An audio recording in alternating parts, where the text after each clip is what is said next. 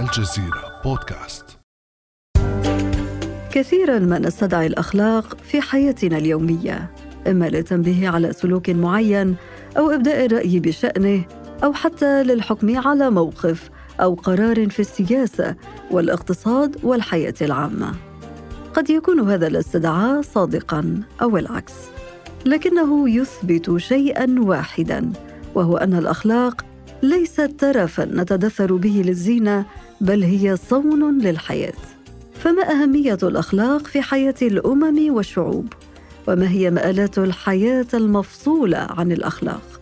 وكيف يمكن أن تكون الأخلاق منطلقا لنهضة أمتنا؟ أنا امال العريسي وهذه حكاية جديدة من بودكاست الجزيرة بعد أمس. ويصحبني في هذه الحلقة الدكتور سلمان بنعمان رئيس مركز معارف للدراسات من فاس بالمغرب. أهلا وسهلا بك دكتور سلمان مرة أخرى في بعد أمس. شكرا على الاستضافة وأحييكم على هذا الموضوع الهام. دكتور سلمان لنؤسس النقاش بداية بمحاولة تحديد مفهوم الأخلاق. لو أردنا أن نعرف الأخلاق كما يراها فيلسوف المغرب الدكتور طه عبد الرحمن التي يراها بأنها جملة من المبادئ والقواعد التي يقع بها التمييز بين الخير والشر وتقويم سلوك الإنسان بتوجيهه إلى فعل الخير وترك آه، الشر. بمعنى هنا لاحظي معي هنا بأن هذا التصور الذي يؤسس آه، الأخلاق على أنها مبادئ وقواعد كأنها آه، أحوال راسخة في النفس وقواعد آه، عامة تؤطر سلوك الإنسان آه، في المجتمع وفي الحياة وفي الكون وتحاول أن توصف هذه الأفعال. هل هي تنتمي لدائرة الخير أو تنتمي إلى دائرة الشر؟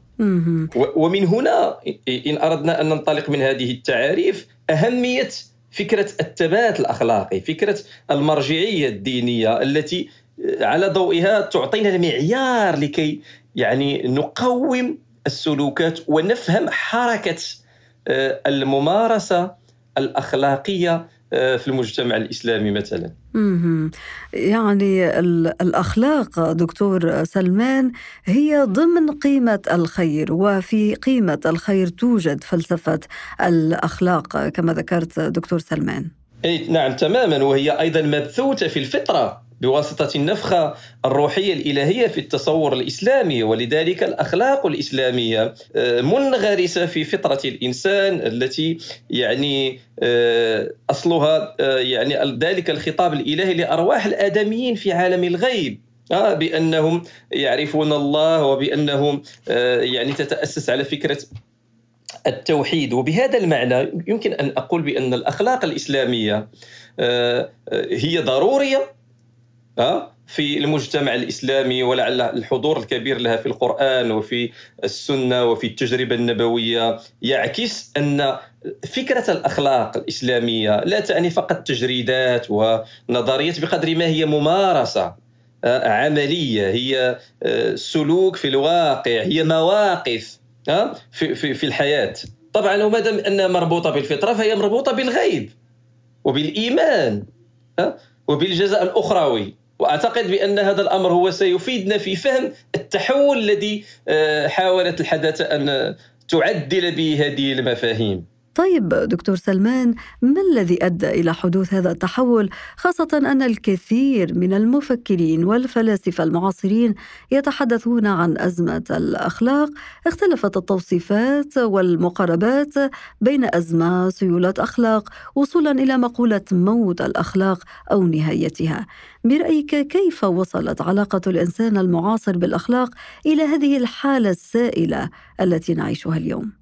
دعني أقول بأن هذا المآل الذي وصلنا إليه والذي قمت بتوصيفه هو جزء من أزمة الحداثة المزمنة ومن أمراض الحضارة الحديثة التي أنتجت انحرافات أخلاقية هددت الفطرة وكينونة الإنسان والأسرة والمجتمع.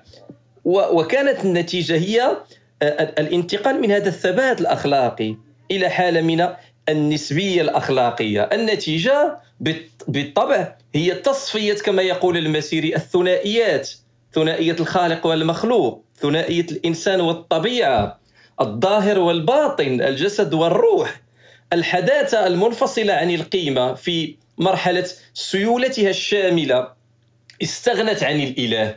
خلينا نكون واضحين واكتفت بنفسها اكتفت بهذا العقل وبهذا الإنسان و آه، آه، يعني آه، أعدمت مقدرة الإنسان على التجاوز تجاوز الماديات وتجاوز هذه المرجعية المادية وألغت الاعتقاد في الإله المفارق للكون الذي يستمد منه المؤمن القوة الأخلاقية الجبارة. وكانت النتيجة طبعا هذا المسار الانفصالي للحداثة فصل الأخلاق الدينية عن السياسة وعن آه، عن الاقتصاد وعن كل مجالات آه، آه، الحياة لصالح أخلاق المنفعة. والاستهلاك وصار هو المعيار. وهنا خطورة هذا الأمر. يعني هذا الانتقال من من مطلقية القيم الربانية في الأساس التصوري للأخلاق إلى نسبية التقدير البشري. ميعت الضوابط سلعت القيم وصارت المعيار هو السوق. المعيار هو اللذة. وهذا ما أشار إليه عالم الاجتماع البولندي زيغموند باومان الذي قال أنه في ظل عالم الحداثة الاستهلاكية تتغير القيم والهويات وتذوب الحدود السياسية وتفقد الحواجز التقليدية تأثيرها وأهميتها. طبعا طبعا هذه هي النتيجة نتيجة اختلال علاقة الإله يعني مع الإنسان ونزع القداسة عن العالم ويكتفي الإنسان بذاته وتصبح مرجعية العالم موجودة بداخله غير مفارقة له.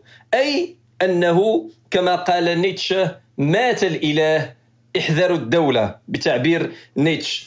أي أن الأخلاق سيتم بنائها على أساس محايث مادي موجود في هذه الدنيا وليس على أساس متعالي. وطبعا النتيجة تطليق الإيمان بالغيب إدخال النسبية لكل المجالات والتنظير لمنطق المنفعة المفضي إلى المتعة والذي يحصر السعادة فقط في يعني الاستهلاك وفي الاستسلام لهذا الاستهلاك وللذة والشهوات ماذا ينتج أخت أمال هذا الأمر؟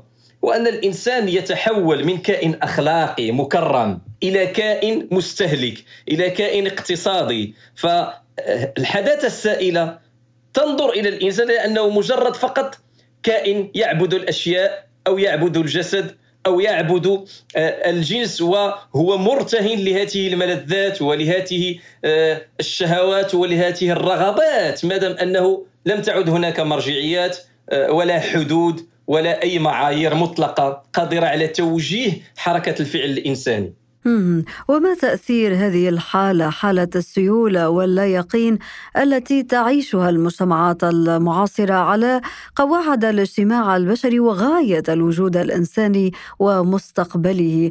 آه، هناك بعض المفكرين دكتور سلمان يتحدثون عن مشكلة الأمية الأخلاقية وما ينتج عنها من تهديد للوجود الإنساني في حد ذاته فضلا عن انهيار المنظومة الأخلاقية أو انحلال خلال المنظومة الأخلاقية. هنا أستحضر قول ديستوفسكي عندما قال إذا غاب الله فكل شيء مباح.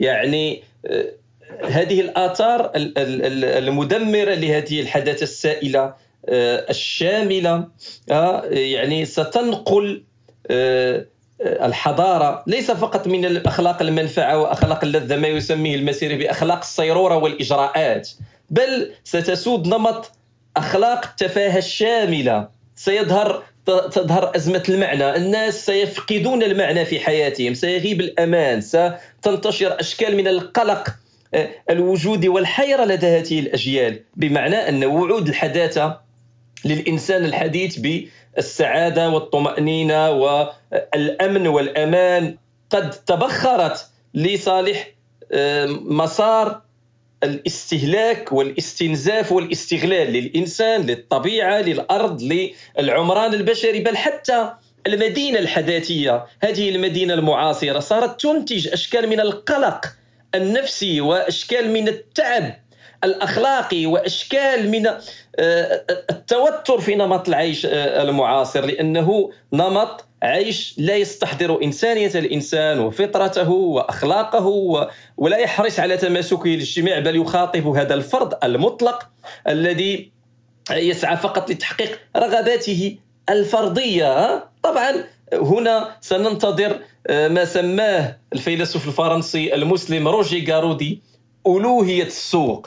عندما سيغيب الإله المفارق الذي يستمد منه الإنسان فلسفة الوجود والمعنى وغاية من الحياة بالمعنى الإسلامي فكرة الاستخلاف في الأرض وعمارتها وإصلاحها والتعبد في هذه الأرض بهذا المنطق الإسلامي إلى أن السوق والموضة والرأسمالية المتوحشة ستصبح هي إلى هذا العصر المتحكم في الأذواق وفي الأشكال وفي الأنماط وفي يعني اللباس وفي كل شيء. وسنخضع لهذه المعايير التي ليس لها أي أساس أخلاقي ثابت. آه سوى الاستهلاك والمزيد من الاستهلاك. واللافت في هذا السياق دكتور سلمان أن هذا التحول هذه المعايير المتغيرة التي أشرت إليها تجعل البعض يعتبرون صاحب الخلق الحسن يحيا خارج منظومة المكان والزمان حتى. إيه طبعا لأنه سيصبح الدهاء والكذب السياسي وأشكال من المكر. هي أشياء نافعة بالمنطق الراسمالي وسيصير الإنسان الذي لديه مبادئ وقيم وأخلاق يعيش عليها. يعني كأنه خارج حركة التاريخ ويعيش حالة من الاغتراب. لصالح هذا الإنسان الحديث النشيط ال الذي يفهم منطق السوق ومنطق اشتغال الحياة ولا يهمه الاستغفال والاستحمار والتحايل على الناس. ها إن أخلاق التسويق أخلاق آه، هذه المؤسسات الرأسمالية التي لا يهمها أي أساس آه، معياري سوى يعني الإغواء والإغراء بالاستهلاك وتحويل الاستهلاك إلى قيمة مطلقة. وهنا أنا أتساءل هل التضحية أه؟ هذا المفهوم الأخلاقي الذي ينتمي إلى عالم الروح هل نحن في لحظة من اللحظات عندما يدخل الإنسان لكي ينقذ آه، فتاة في منزل مثلا فيه اشتعلت فيه النار حركة الإنقاذ وتضحية الإنسان بنفسه من أجل أن ينقذ طفل أو ينقذ فتاة أه؟ حتى لو أخرجها أه يعني ما استطاع أن ينقذ حياتها ولكن هذا الخلق النبيل هل ينتمي إلى عالم المادة؟ هل فيه أي مصلحة مادية أو منفعة شخصية؟ يعني روح يعني التضحية التي تنتمي إلى عالم مفارق لهذا العالم ها؟ تضحية من أجل الدين من أجل العرض من أجل الوطن ها؟ العطاء و يعني تقديم الآخرين و في جو من الدفء والثراء هذه القيم الأساسية التي تتماسك حولها المجتمعات وبالمناسبة أخت أمل هذه الأشياء هي التي أسست في البداية الحداثة.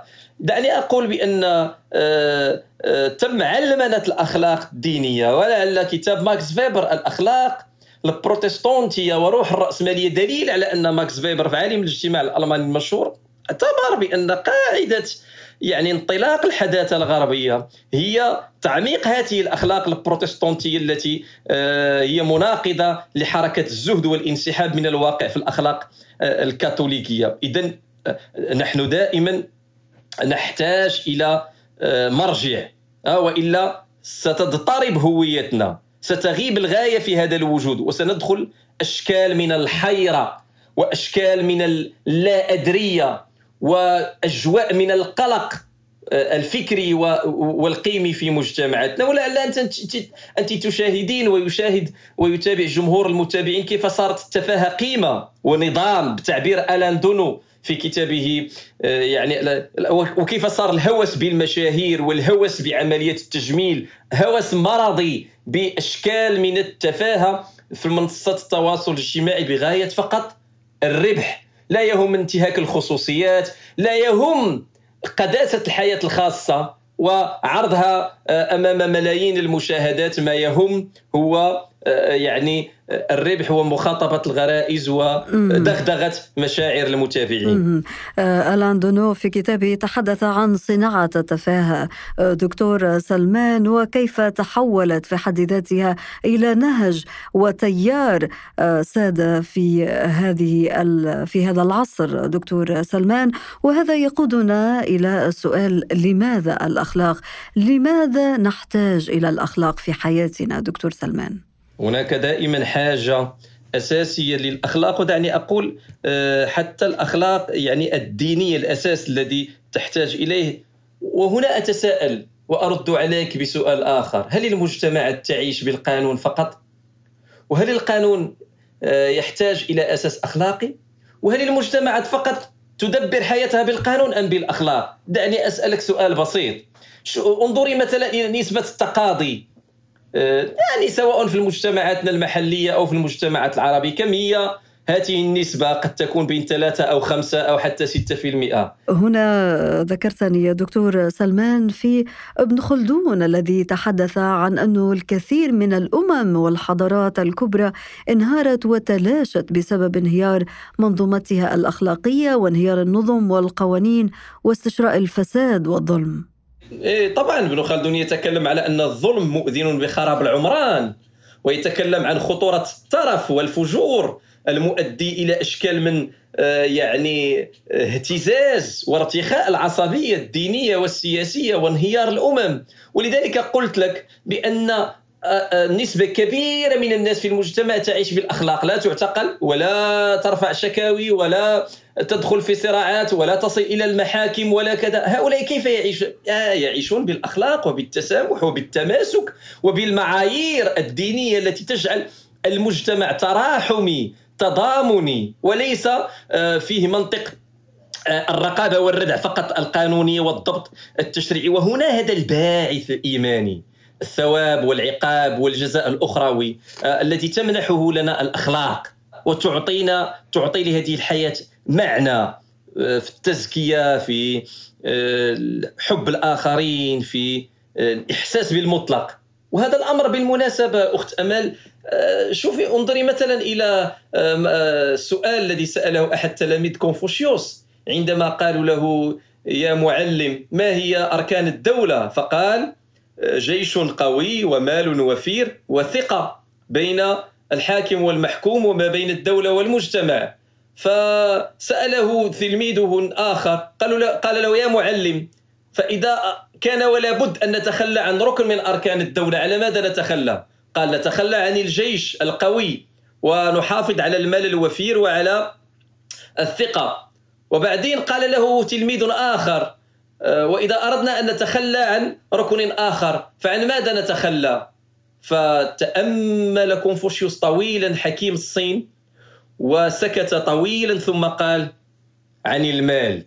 أما الثقة فلا يمكن أن تتأسس الدول والأمم إذا فقدت الثقة في المجتمع وفقدت الثقة في العلاقات السياسية. وحتى اليابانيين أسسوا نهضتهم الأولى المبكرة. يعني على قيم آه، البوذية والديانة الشنتوية وعلى أشكال من التقاليد المحلية والدينية آه، التي أعطتهم باعث وأعطتهم معنى لكي يتحركوا ويواجهوا الاستعمار وكذا إلى غير ذلك من الأشياء. فهناك آه، قوانين العمران بالتعبير ابن خلدون وهناك شروط أساسية لكي تنهض هذه الأمم. والأخلاق بهذا المعنى ضروري يا أخت امال قلت النهوض دكتور سلمان دعنا نخصص بقية الحديث عن فضائنا الثقافي والحضاري العربي الإسلامي حيث مركزية الأخلاق تأخذ حيزا مهما في مشروع استئناف النهوض الحضاري. فبرأيك كيف يمكن الخروج من هذا المأزق أو أزمة الأخلاق بسبب هذه الرؤية الأخلاقية الحدثية الاستهلاكية. طبعا هذا الأمر الآن آه، يهجم علينا بخطوات ديناصورية مدمرة ويعني آه، يفكك هويتنا ومرجعياتنا ويطرح تحديات كبيرة على هذا الجيل من الشباب.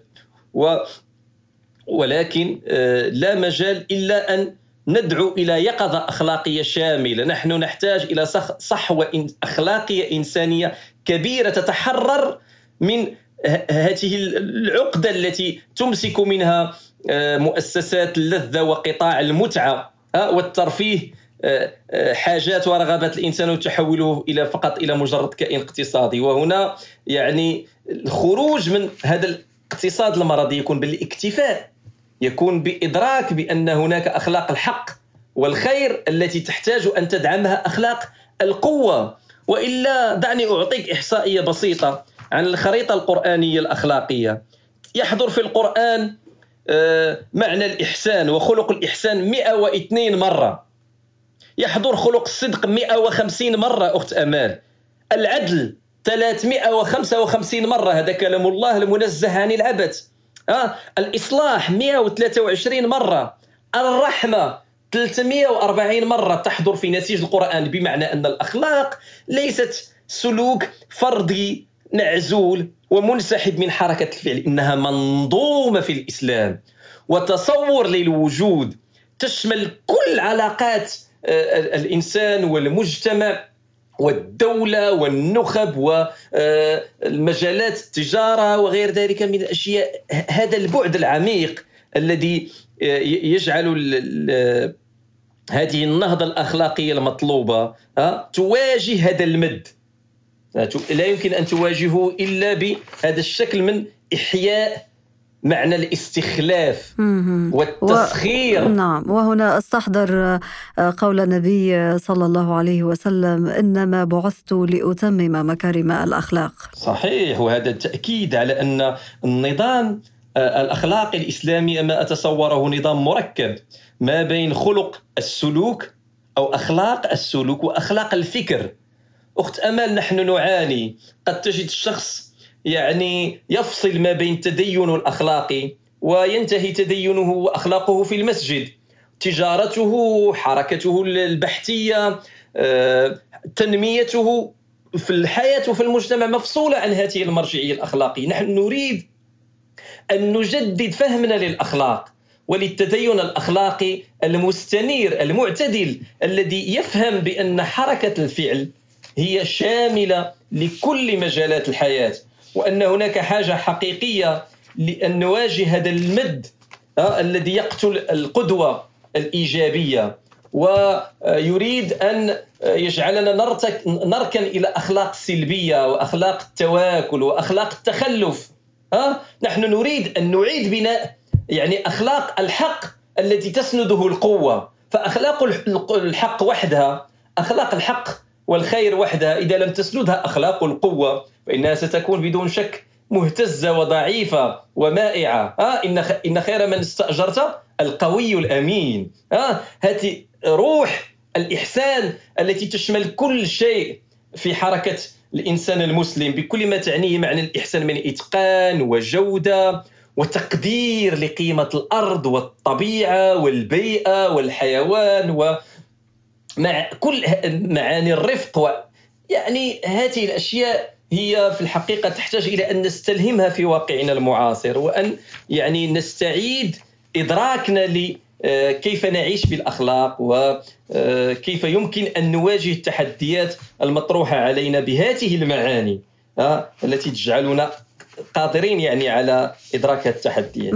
إدراك هذه التحديات بأخلاق النهوض كما ذكر الدكتور آه، سلمان. وبالتالي تفادي أحد تجليات هذه الأزمة أزمة الأخلاق المتمثلة في تفشي الجرائم الأخلاقية بما معناها كل فعل يخل بالمعايير الأخلاقية والثقافية والدينية التي تحكم علاقاتنا وسلوكياتنا اليومية. اي طبعا آه، آه، يعني بهذا المعنى نزلت اقرأ كفعل أخلاقي مؤسس لحضارة الإسلام. عليك أن تقرأ الوجود وأن تفهم ووحد كفعل مؤسس للنظام المعرفي الإسلامي ونهضة المسلمين. وإعدل كركيزة لهذه القيم السياسية الإسلامية. واتقي وآمن كل هذه المعاني التي مرتبطة بفكرة العمل الصالح برساله آه، أخلاقية متكاملة. في أسسها الروحية والنفسيه لكي يخرج الإنسان المسلم من العجز من الكسل من الخرافية من التعصب لكي ينفتح على أشكال من الاستخلاف والعمارة والحوار وحب الحقيقة والبناء والتعارف. البناء الذي من خلاله تنعكس الأخلاق على مختلف مجالات الحياة السياسة والإقتصاد والتشريع وغيرها. تماما. نحن نحتاج إلى أن نتكلم عن اخلاقيات البحث العلمي وعن اخلاقيات الأخلاق في السياسة وعن آه، الأخلاق في الاقتصاد وعن كل المجالات الإنسان التي ينبغي أن نشتغل عليها. يعني أن تسود فيها أخلاق الرحمة والرفق والاعتدال. أخلاق التوكل على الله الحقيقي وليس التواكل والانانيه والسلبية والركون إلى منطق قدري أعوج فيه أن الله سخر لنا الكفار لكي يشتغلون. ها ونحن جالسين وقاعدين لا نقوم بأي شيء. علينا أن ندرك معنى بأن الإسلام يتصور بأن علاقتنا بالطبيعة هي علاقة تسخير وليس علاقة صراع. سخر وهذا التسخير يحتاج إلى أن يفتح الإنسان المسلم عقله وفكره وأن يربي نفسه تربية روحية وتربية فكرية. خلق تحري الحقيقة كما يقول عبد الحليم أبو شقة رحمه الله. وحب الحقيقة والإنصاف و أخلاق التوبة بكل ما تعنيه من مراجعة ذاتية وتصحيح ذاتي ونقد ذاتي لسلوكنا ومسلماتنا. هي كلها أخلاق تنشأ في الفكر. انظري مثلا إلى القرآن عندما يقول ولا تجادلوا أهل الكتاب إلا بالتي هي أحسن. عندما يقول ادعو إلى سبيل ربك بالحكمة والموعظة الحسنة وجادلهم بالتي هي أحسن. اشتقاقات ومعاني الإحسان كيف تحضر في لحظة صعبة؟ هي لحظة الجدال والمجادلة والشحن ولحظة قد يستفزك الخصم أو المخالف. قد يشخصن القضية قد يستهزئ بك.